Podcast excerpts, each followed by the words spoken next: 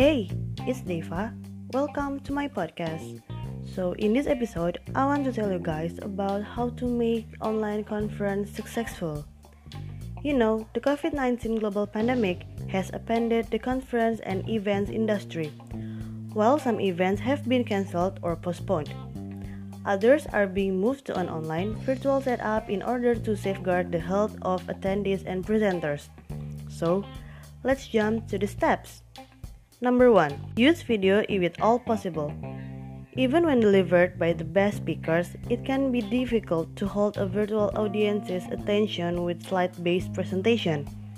Most webinar platforms support video conferencing, and virtual conference speakers should absolutely make use of that capability.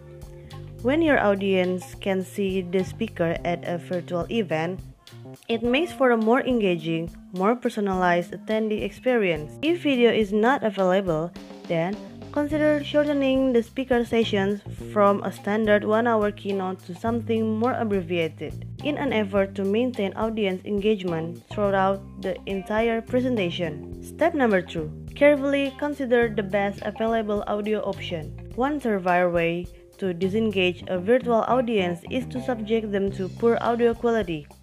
If they're unable to hear the speakers clearly, they'll turn them out. In contrast to a live event with carefully controlled professional AV equipment, audio quality for a virtual session can be negatively impacted by a wide variety of factors, such as the quality of the speaker's microphone, the platform used to capture audio, and network quality or connectivity, the most reliable high quality alternative will depend on the situation. If the speaker is in a place that doesn't have a good connectivity, then a landline connection might be best.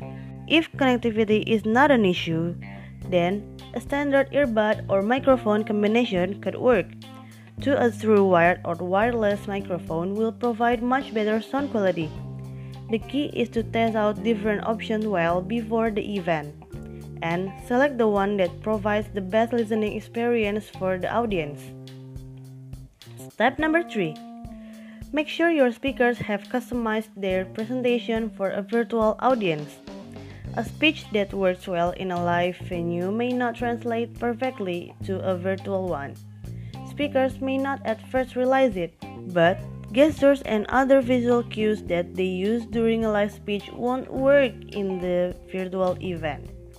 For this reason, speakers skilled in virtual event will utilize special materials for that delivery medium, such as a modified slide deck which helps convey information or emotion that wouldn't otherwise be communicated effectively across a digital medium. Steps number 4 Keep the session interactive.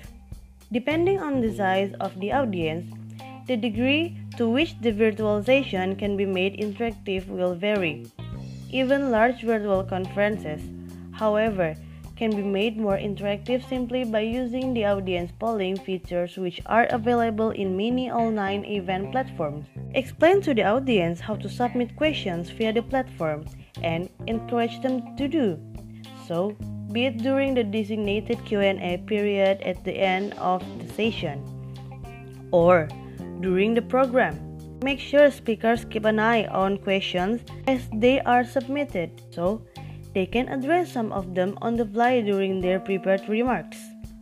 Step number 5 Do a comprehensive AV check and take it seriously. Most speakers can do AV check at live events in their sleep as it's an exercise with which they are exceedingly familiar. That's not the case with the virtual events. Even if a speaker has done virtual sessions in the past, there's no guarantee their next virtual event will use the same technology platform as their last. Great speakers leave nothing to chance when preparing for an event, and approach is especially important with virtual sessions. Check everything in advance audio video quality, screen sharing, host to speaker private messaging, audience Q&A, and do it all with the same equipment and internet connection that the speakers will be using on event day. Step number 6. Plan for technical issues. Live events are conducted in well-controlled environment where skilled AV technicians are overseeing the entire endeavor. That's not the case in a virtual conference event, where there are a host of potential breakpoints that nobody has to even think about when putting on and in. Hmm, that's not a, that's not the case in a virtual conference, where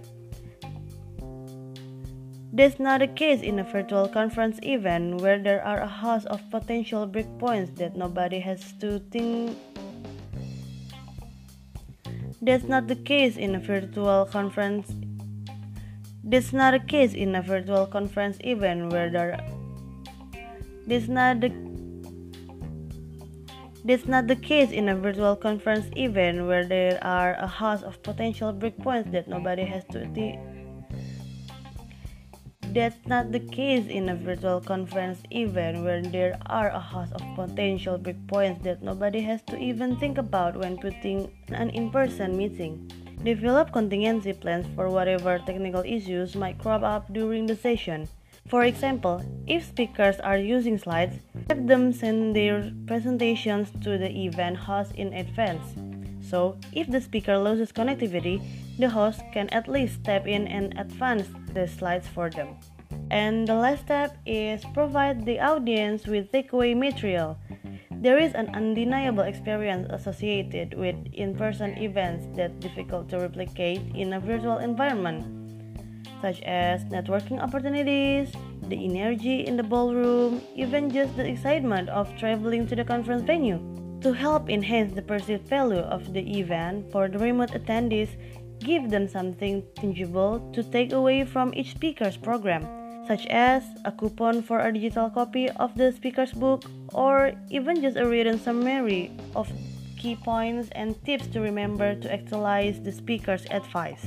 This might not be a perfect substitute for the experience of attending a conference live, but they at least provide some additional value to remote attendees, helping favorably influence their impressions about the virtual conference. So, there are the steps how to make your online conference successful. You know, online virtual events may be foreign to many meeting planners, but if properly executed, they can be just as successful and engaging as live in person conferences. The key is to relentlessly focus on the quality of your audience's experience with the right content and the right delivery, you can bring your virtual conference audience to its feet, albeit in the comfort of their own home or office. I think that's enough for this episode. See you next.